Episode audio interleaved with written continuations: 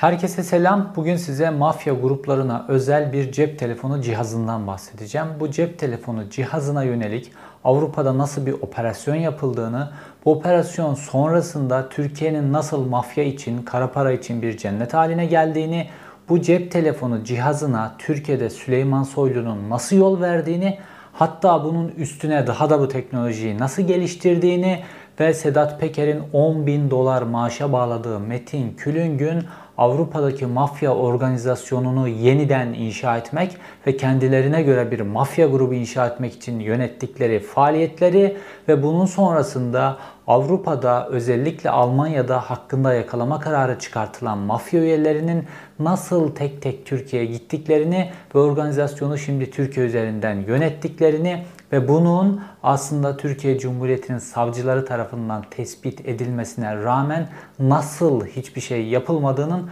bütün detaylarını anlatacağım. Yine dop dolu, yine bilgi dolu bir video olacak.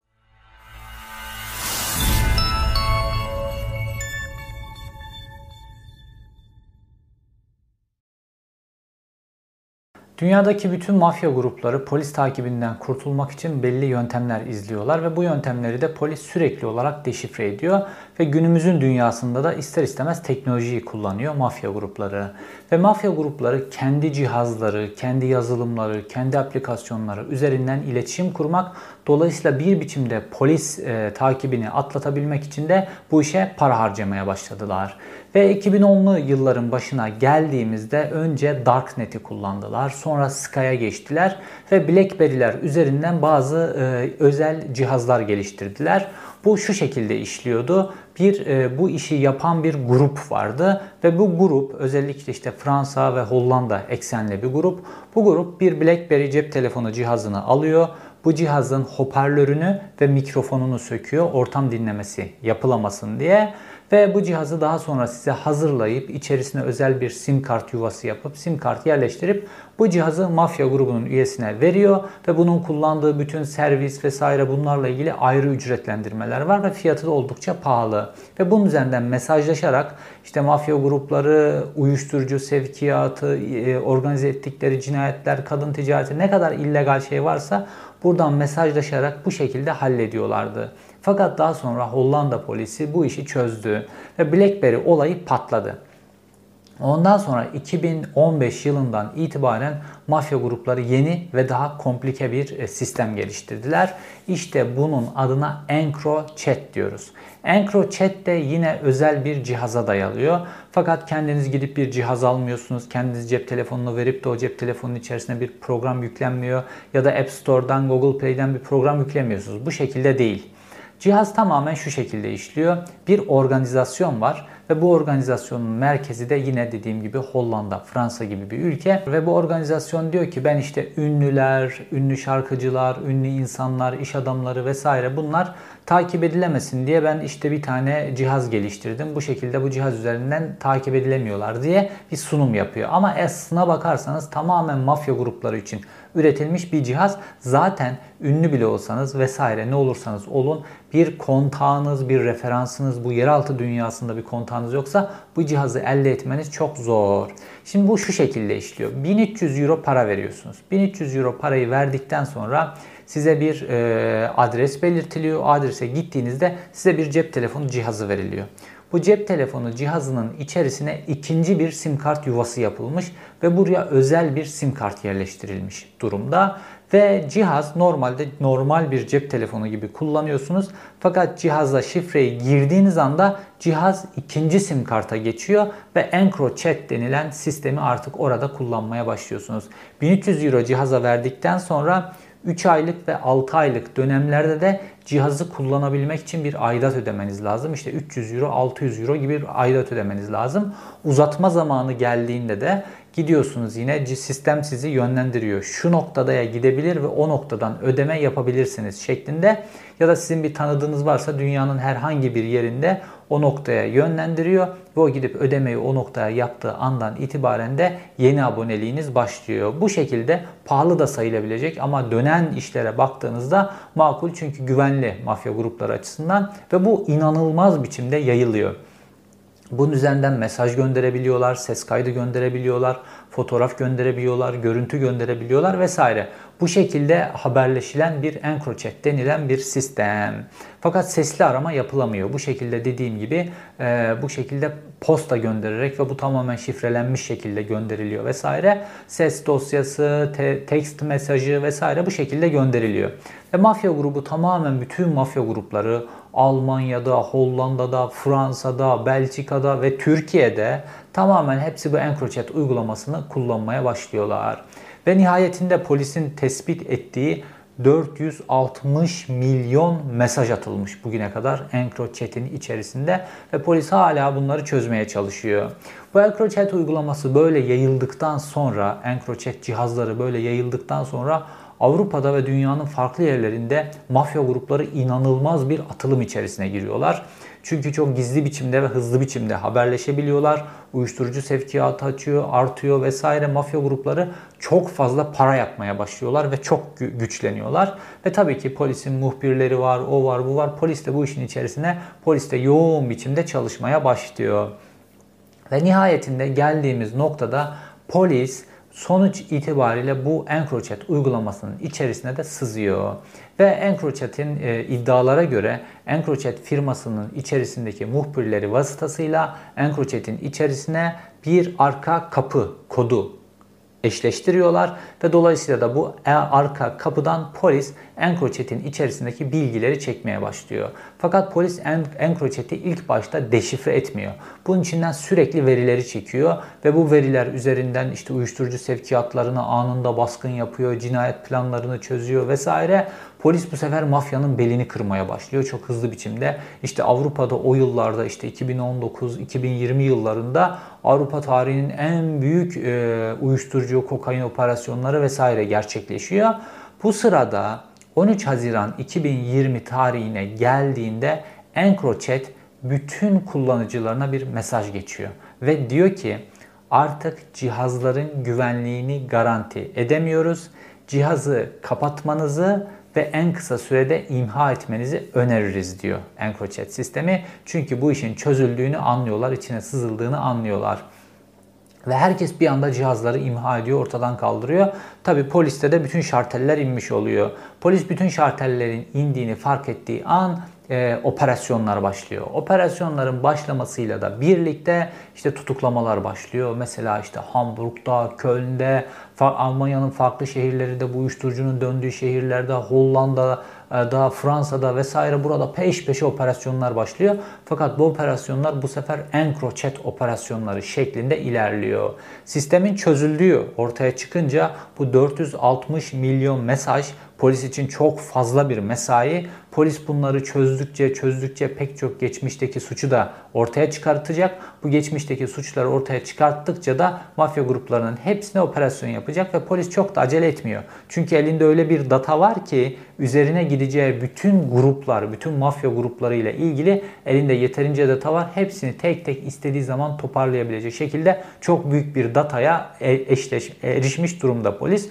Ve bunu Avrupa'nın bütün ülkeleri birbirleriyle paylaştıkları gibi diğer ülkeler de eğer isterlerse onlarla da paylaşıyorlar. Bütün suç organizasyonunun çökertilmesi için. Sadece uyuşturucu değil dediğim gibi kadın ticareti, kaçakçılık, silah kaçakçılığı ne kadar suçla ilgili kriminal hadise varsa bunların hepsinde o 5 yıl boyunca EncroChat ana yönlendirme, ana iletişim kaynağı olarak kullanılıyor.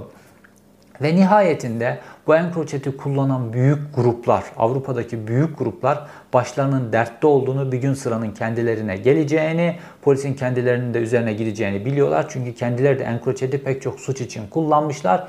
İşte o anda polisin operasyonu başladığında pek çok ünlü mafya grubunun lideri hızlı biçimde Türkiye'ye kaçıyor. Niye?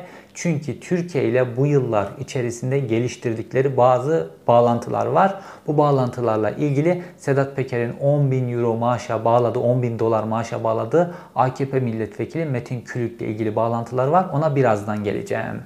Şimdi bu mafya grupları hızlı biçimde Türkiye'ye, mafya gruplarının lider kadroları özellikle hızlı biçimde Türkiye'ye kaçıyorlar ve Türkiye'de kaçtıktan sonra da artık bütün bu suç organizasyonunun merkezi Türkiye haline geliyor. Çünkü Türkiye'deki mevcut yönetim şöyle bir mesaj veriyor bütün dünyaya. Paranız varsa kara para, temiz para, ak para gelin ben size dokunulmazlık sağlayacağım. Bu şekilde bu dokunulmazlıkta istediğiniz faaliyeti yürütebilirsiniz. Yeter ki bana döviz getirin. Türkiye'deki mantalite bu olunca elinde kara paradan döviz olan bütün bu yeraltı dünyasının baronlarının yeni meskeni Türkiye geliyor.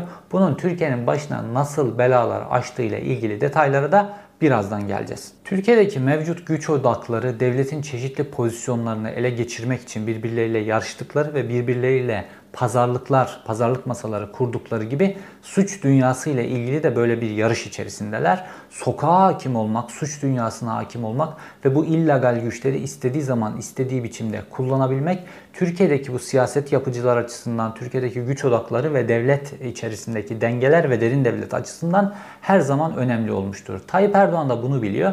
Çünkü Tayyip Erdoğan da e, Kasımpaşa'nın sokaklarından gelmiş bir adam ve suç dünyasında kontrol altına alması gerektiğini biliyor. İşte Tayyip Erdoğan'ın Sedat Peker'le geliştirdiği o ilişkiler, Sedat Peker'leri resepsiyona davet etmesi, beraber fotoğraf vermeleri vesaire tüm bu ilişkileri geliştirmeye çalıştığı döneme ilişkin hadiseler ve bu dönemde de e, Tayyip Erdoğan açısından Metin Külünk son derece önemli bir figür. Çünkü Metin Külünk aynı zamanda mafya gruplarının içerisinden gelmiş bir adam olduğu için ve bu yönü nedeniyle Tayyip Erdoğan'ın yanında bulunduğu için o grupların dilini anlayabileceği için Tayyip Erdoğan tarafından mafya gruplarıyla organizasyon kurmak açısından bir danışman pozisyonda neredeyse görevlendirildi. İşte şimdi Sedat Peker Metin Külüngü 10 bin dolar maaşa bağladım vesaire anlatıyor ya. İşte bu tip bağlantılar, bu tip beraber mesai harcadıkları için. Fakat Metin Külünk ve Tayyip Erdoğan daha büyük oynamak istiyorlar. Ve yeraltı dünyasında dönen bütün paraya hakim olmak istiyorlar Türkiye'de. Ve Türkiye'de me belli mevcut geçmişten beri gelen bazı mafya grupları var. İşte Kürtler var mesela bunun içerisinde işte Kürt kökenli olan mafya grupları var. Özellikle Esrar vesaire gibi gelen e, hat var. O hatın üzerinde olan işte Van'da vesaire bu tip yerlerde olan gruplar var. İşte Lazlar var, Karadenizliler var. Ee, ve bunun dışında e, irili ufaklı bazı aileye, aile yapılarına dayanan mafya grupları var. Bunların hepsinin üzerine tek tek baskı yapılmaya çalışılıyor ve Tayyip Erdoğan ülke içerisindeki gücünü kullanarak da bunu değiştiriyor. Aslına bakarsanız 2010 yılına kadar geldiğimiz süreçte mafya gruplarının işi Türkiye'de hayli zorlaşıyor. Özellikle emniyetin 2010 yılı öncesinde tavsiyeleri neticesinde Türkiye'ye bazı kimyasal maddelerin girişi yasaklanıyor. Bu kimyasal maddelerin girişinin Türkiye'ye yasaklanması ya da sıkı kontrol altına alınmasıyla birlikte Türkiye'de bazı uyuşturucuların işlenebilmesinin önü kapatılıyor. Aynı şekilde bunlara peş peşe operasyonlar yapılıyor vesaire. 2010 yılından sonra Tayyip Erdoğan'ın kulvar değiştirmesiyle birlikte ve emniyetteki köklü değişikliklerle birlikte mafya gruplarının da işi kolaylaşıyor. İşte emniyet teşkilatını tamamen mafya gruplarına operasyon yapmaz hale getirdikten sonra Tayyip Erdoğan Metin Külüng'ü bu sayede sahaya sürebiliyor. E Metin Külünk ve Metin Külünk gibiler Türkiye'de mevcut yeraltı dünyasının hakimiyetini kuran gruplar üzerine baskı kurmaya başlıyorlar. Mesela işte Ankara'nın en bilinen gruplarından bir tane işte Kürt Ahmet grubu vesaire. Bunu tamamen baskılıyorlar. İşte orada Ayhan Bora Kaplan denen bir figür öne çıkıyor bu boşluktan. Fakat Tayyip Erdoğan kendi figürlerini ortaya çıkarmaya çalışırken aynı zamanda Süleyman Soylu gibi güçler de kendi figürlerini araya sokuyorlar ve güçleniyorlar. Çünkü Süleyman Soylu, Mehmet Ağar dediğimiz adamlar yeraltı dünyasındaki organizasyon kabiliyetleri itibariyle Tayyip Erdoğan'la yarışır vaziyetteler. Ondan daha iyiler. Metin Külüngün aklı onlara göre kısa kalıyor. Fakat Tayyip Erdoğan'ın gücü, onun polis teşkilatı içerisindeki o günkü gücü itibariyle Metin Külünk yine özellikle Karadenizli mafya gruplarını Türkiye'de çok fazla güçlendiriyor.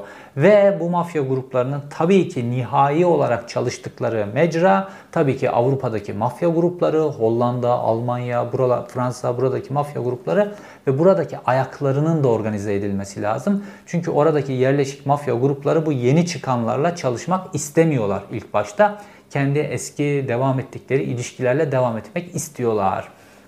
İşte bu noktada Metin Külünk Almanya'ya çıkarma yapıyor, Avrupa'ya çıkarma yapıyor ve tamamen bu organizasyonu kurmak için çaba sarf ediyor. Normalde işte Türkiye'de organizasyonu kurmuşlar. Avrupa'da bu organizasyonu yapmak lazım. Fakat Metin Külüng'ün kullanacağı insan kaynağına baktığımızda bunlar işte e, geliyor Metin Külünk. Burada işte çeşitli e, İslamcıların dernekleri şunlar bunlar var ama bunlar gece hayatının içerisinde olan böyle sokakta olan dolayısıyla bu torbacılık vesaire bu tip işleri yapabilecek filan adamlar değiller. Dolayısıyla Metin Külünk de rotayı daha milliyetçi bir kesimin içerisine doğru kırıyor. Ve işte dediğimiz bu Osmaniyen, Germaniyen denen bir yapı, motorcular denen bir yapı vesaire bu tip yapılar aniden icat ediliyor.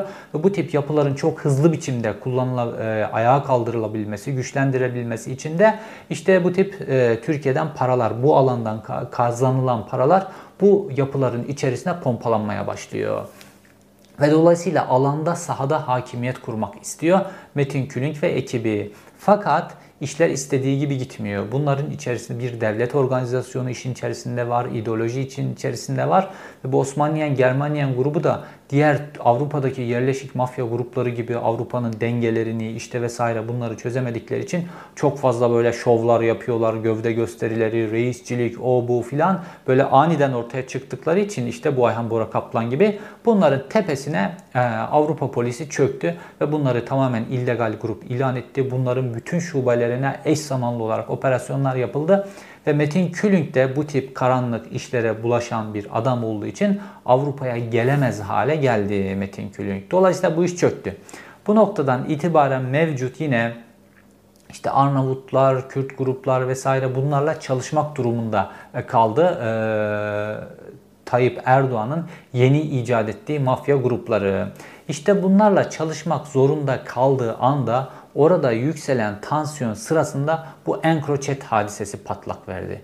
Bu aslında organizasyonun Türkiye üzerinden kurulabilmesi için hem Tayyip Erdoğan'a hem Süleyman Soylu'ya bir fırsat verdi. Encrochat uygulamasını polisin çözdüğü ortaya çıkınca, patlayınca işte Avrupa'daki, Almanya'nın Köln'deki, Hamburg'daki, Hollanda, Amsterdam'daki, Rotterdam'daki vesaire mafya liderlerinin hepsi işte bunun içerisinde siyahlar var, bunun içerisinde Arnavutlar var, bunun içerisinde Afrikalılar var, bunun içerisinde e, Türkiye kökenliler var. Bunların hepsi Türkiye'ye kaçtılar, Türkiye'ye sığındılar. Çünkü Türkiye bunlara dokunulmazlık. Tayyip Erdoğan ve Süleyman Soylu ikilisi bunlara dokunulmazlık verdiler. Bunlar Türkiye'ye kaçtıktan sonra, Türkiye'ye yerleştikten sonra bu Avrupa'daki organizasyonu Türkiye'nin üzerinden yapmaya başladılar. Ve söylemlere baktığımızda Tayyip Erdoğan inanılmaz milliyetçi, Süleyman Soylu inanılmaz milliyetçi, neredeyse Kürt düşmanı noktasında filan. Ama baktığımızda söz konusu para olunca, söz konusu toz işi olunca, söz konusu rant işi olunca Türkiye'deki o mil, büyük büyük milliyetçi mafya gruplarına baktığımızda, büyük milliyetçi bu politikalara baktığımızda işte PKK ile bile bu konuda çalışmaktan, o eksenli uyuşturucu meselelerinde onlarla çalışmaktan hiç de bir gocunmuyorlar. Bu şekilde çalışmaya devam ediyorlar. Çünkü esas olan rant. Ve Türkiye merkez olarak inşa edilmiş durumda şu anda. Ve bu bütün mafya grupları Türkiye'deler. Mafya gruplarının liderleri bu Avrupa'daki organizasyonlarını Türkiye üzerinden yürütüyorlar. Ve bu Europol'un filan raporlarına baktığımızda Türkiye'deki debinin, Türkiye'deki kara paranın, uyuşturucu hacminin ne kadar devasa boyutlara geldiğini geçmiş yıllarla karşılaştırdıklarında artık Türkiye'nin bugününü Tansu Çiller dönemi var ya 90'lı yıllar o JITEM'in vesaire bu uyuşturucu içerisine girdiği, JITEM'in araçlarıyla uyuşturucunun taşındığı yıllar var ya, Cemer Sever'in anılarında var, Yüzbaşı Cemer Sever'in vesaire. Hepsinin anılarında var. O yıllarla karşılaştırıyorlar artık. O ara dönemi, Ecevitli yılları, Tayyip Erdoğan'ın ilk yıllarını falan onları tamamen pas geçiyorlar.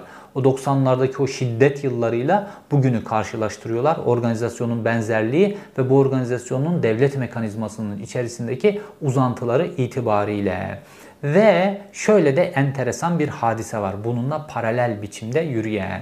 Şimdi Encrochat'i Avrupa Birliği çözdü. Avrupa Birliği'nin polis teşkilatı çözdü ve 460 milyon tane mesajı indirdi. Şimdi bu Encrochat'in Türkiye'de e, EncroChat cihazlarını kullanan, tabi aynı kişi birkaç cihaz kullanmış olabilir süreç içerisinde filan ama 20 bine yakın insan çünkü 120 bin cihazdan bahsediliyor. 20 bine yakın insan bir biçimde EncroChat cihazlarını Türkiye'de kullandı. Bu da tespit edilmiş durumda. Ve bu 460 milyon mesajın içerisinde Türkiye'de işlenmiş suçlarla ilgili de Türkiye'deki gruplarla ilgili de çok fazla mesaj var. Fakat bütün Avrupa ülkeleri hatta Güney Amerika ülkeleri bu EncroChat'teki mesajları, oradaki konuları bizimle paylaşın diye Avrupa Polis Teşkilatlarına başvurdukları ve bu bilgileri aldıkları halde Türk Polis Teşkilatı, Türk Narkotik Bilimleri, Türkiye Kaçakçılık ve Organize Suçlarla ilgili birimleri, Türk İstihbarat Teşkilatı bunların hiçbirisi EncroChat'in bilgilerini almayı talep etmedi. Niye talep etmek istemiyorlar? Çünkü bu biçimde gelip bir biçimde gelip devletin kayıtlarına girdiği zaman bir gün bir savcı çıkar bunu bir operasyona dönüştürme ihtimali var. Dolayısıyla bunu talep etmiyorlar. Fakat buna rağmen 4 tane ayrı hadisede Türkiye Cumhuriyeti'nin savcıları EncroChat kullanıldığını tespit ettiler. Bunlardan 3 tanesi cinayet olayıydı. Bir tanesi de çok yüklü bir uyuşturucu sevkiyatıydı. Bunda faillerin EncroChat üzerinden haberleştikleri hatta gözaltına alınan faillerin cihazları EncroChat içeren cihazlar bulunduklarına ilişkin e, savcılar bunları iddianamesine geçirdiler. Buna rağmen yani artık Türkiye'de de EncroChat'li cihazların kullanıldığının artık Türkiye Cumhuriyeti'nin savcıları tarafından da tespit edilmiş olmasına rağmen Süleyman Soylu talimat verip de EncroChat ile ilgili bilgileri Avrupa'dan getirmedi. Çünkü bu gruplara yönelik operasyon yapılmasını istemiyor. Fakat tüm bunlar olurken Tayyip Erdoğan sokağa, yeraltı dünyasına hakim olmaya çalışırken ve kendi alanını inşa ederken aynı zamanda Süleyman Soylular, Mehmet Ağarlar da bunlar da kendi alanlarını inşa ettiler. Ve aslına bakarsanız yeraltı dünyası meselesinde onlar daha kurt, onlar daha tecrübeli ve onlar daha iyi organizasyonlar inşa ettiklerini biliyoruz. Ve bütün bu organizasyonun neticesine baktığımızda ortada inanılmaz büyük bir para oluşuyor. Ve birileri inanılmaz büyük miktarda para biriktiriyorlar. Bu kadar büyük miktarda para biriktiren kişiler aynı zamanda da siyasetçiyseler bunların bu parayı, bu gücü, bu sokaktaki bu provokasyon gücünü bir gün kullanmak için aynı zamanda bir hesaplarının olduğuna da emin olabilirsiniz. Şu an Avrupa'daki mafya grupları daha doğrusu Türkiye kökenli, Türkiye ile ilişkisi olan, Türkiye'den mal getiren mafya grupları şunu kabul etmiş durumdalar. Süleyman Soylu'nun olur verdiği gruplarla çalışmadan yani dolayısıyla Süleyman Soylu ile bir biçimde çalışmadan bu piyasadan ekmek yemek mümkün değil günümüzün şartları içerisinde. Dolayısıyla farklı ideolojilerden ülkücü gruplara baktığımızda ülkücü Türkiye'deki ülkücü gruplar Avrupa'daki Kürt gruplarla beraber çalışıyorlar. Böyle enteresan bir bağlantılar var. Fakat bu mafya gruplarının özellikle EncroChat ile ilgili soruşturma yedikleri için, soruşturma yeme potansiyeli olduğu için Türkiye'ye gelip yerleşen yeraltı dünyasının mafya liderlerinin Avrupa'daki o tecrübeyi barındıran mafya liderleri aynı zamanda da Türkiye'yi inanılmaz büyük bir uyuşturucu merkezine çevirdiler. Ve işte bu MET dediğimiz ucuz kokainin cennetine çevirdiler Türkiye'yi. Ve Türkiye'de her yerde artık bu MET denen hadise e, kullanılıyor. Ve bunun üzerinden de Türkiye'nin içerisinde de aynı zamanda çok fazla para kazanıyorlar. Ve çok büyük bir güç olmaya doğru gidiyorlar. Hatta Soylu ekibi organizasyonu daha büyük bir boyuta taşıyarak artık bu EncroChat gibi kendi yazılımlarını icat ettiler. Çünkü emniyetin yazı bilişim şubesi vesaire bunlar da emirlerinde vesaire paraları da var. Bilgisayar mühendisi çalıştırmak vesaire de problem değil. Hatta Türkiye'deki işte bu bet olayını, yasa, yaşa, yasa dışı kumar olayını öyle bir yaygın hale getirdiler ki Türkiye'de yüzlerce bilgisayar mühendisi bu mafya grupları için bu kumar, yasa dışı kumar sektöründe çalıştıkları için aynı zamanda bu yazılımcıları bu tip böyle kriptolu mesajlaşma programları yapmak için de kullanıyorlar. Dolayısıyla artık kendi yazılımları var. Yani kendi yazılımlarını da kullanıyorlar. Dolayısıyla Süleyman Soylu ekibi, Süleyman Soylu ve arkasındaki Mehmet Ağarlar vesaire e, ekibi çok güçlü bir pozisyona gelmiş durumda. Ve Metin Külünkler'in filan havası baya baya bir inmiş durumda geldiğimiz noktada. Fakat bu netice itibariyle neye varıyor? Şimdi bir ülkede mafya grupları çok büyük para kazanmaya başladıklarında ve uzun süre dokunulmaz olduklarında devlet mekanizmasının belli noktalarının, önemli kilit noktalarının hepsini ele geçiriyorlar. Yani siz bir savcıya maaş veriyorsunuz 10 bin lira neyse işte bir maaş veriyorsunuz. Bu maaşın karşılığında o savcıdan dürüstlük görevini yapmasını bekliyorsunuz. Devlet aslına bakarsanız bu açıdan zayıf. Karşıda mafya grubu geliyor savcının masasına 100 bin dolar koyuyor. Dolayısıyla artık o e, e, mafya grubunun istediği oluyor. O noktaya gidiyor. Çünkü mafya grupları artık bu kadar pervasız hale geliyorlar. Ve bu uzun süre devam ettiği zaman, yıllarca devam ettiği zaman bu mafya gruplarının adliye içerisinde, polis teşkilatı içerisinde, istihbarat teşkilatı içerisinde, Türk Silahlı Kuvvetleri ordunun içerisinde kendi adamları olmaya başlıyor. Yıllar boyu finanse ettikleri bir ağ oluşmaya başlıyor ve bunlar kendilerine yapılacak operasyonu da önceden haber alıyorlar kendilerine yol açacak siyasetçilerin önünün açılması için onları da fonluyorlar. O siyasetçileri dokunulmaz hale geliyorlar. Siz Süleyman Soylu'ya şu sebeple Tayyip Erdoğan'ın dokunamadığını zannediyorsunuz ama onun arka planında başka bir sebep yer alıyor vesaire vesaire. Artık o noktaya geliyor ki mafya grupları da bir biçimde devlet haline geliyorlar.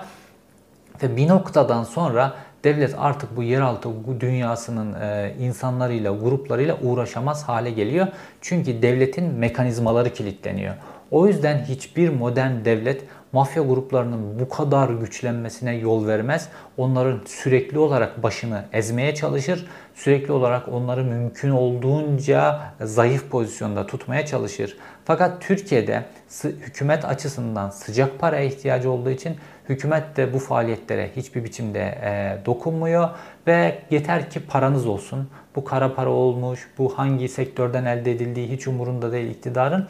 Gelin biz size dokunulmazlık vereceğiz dediler ve bu şekilde bütün bu yeraltı dünyasının liderleri Türkiye'ye geldi. Bir biçimde yeni işte mesela Birleşik Arap Emirlikleri, Dubai'de böyle bir yerdir. Bütün oligarklar oradadırlar işte ülkesinde başı belaya girmiş o bu filan oligarklar oradadırlar. Mafya liderleri oradadırlar.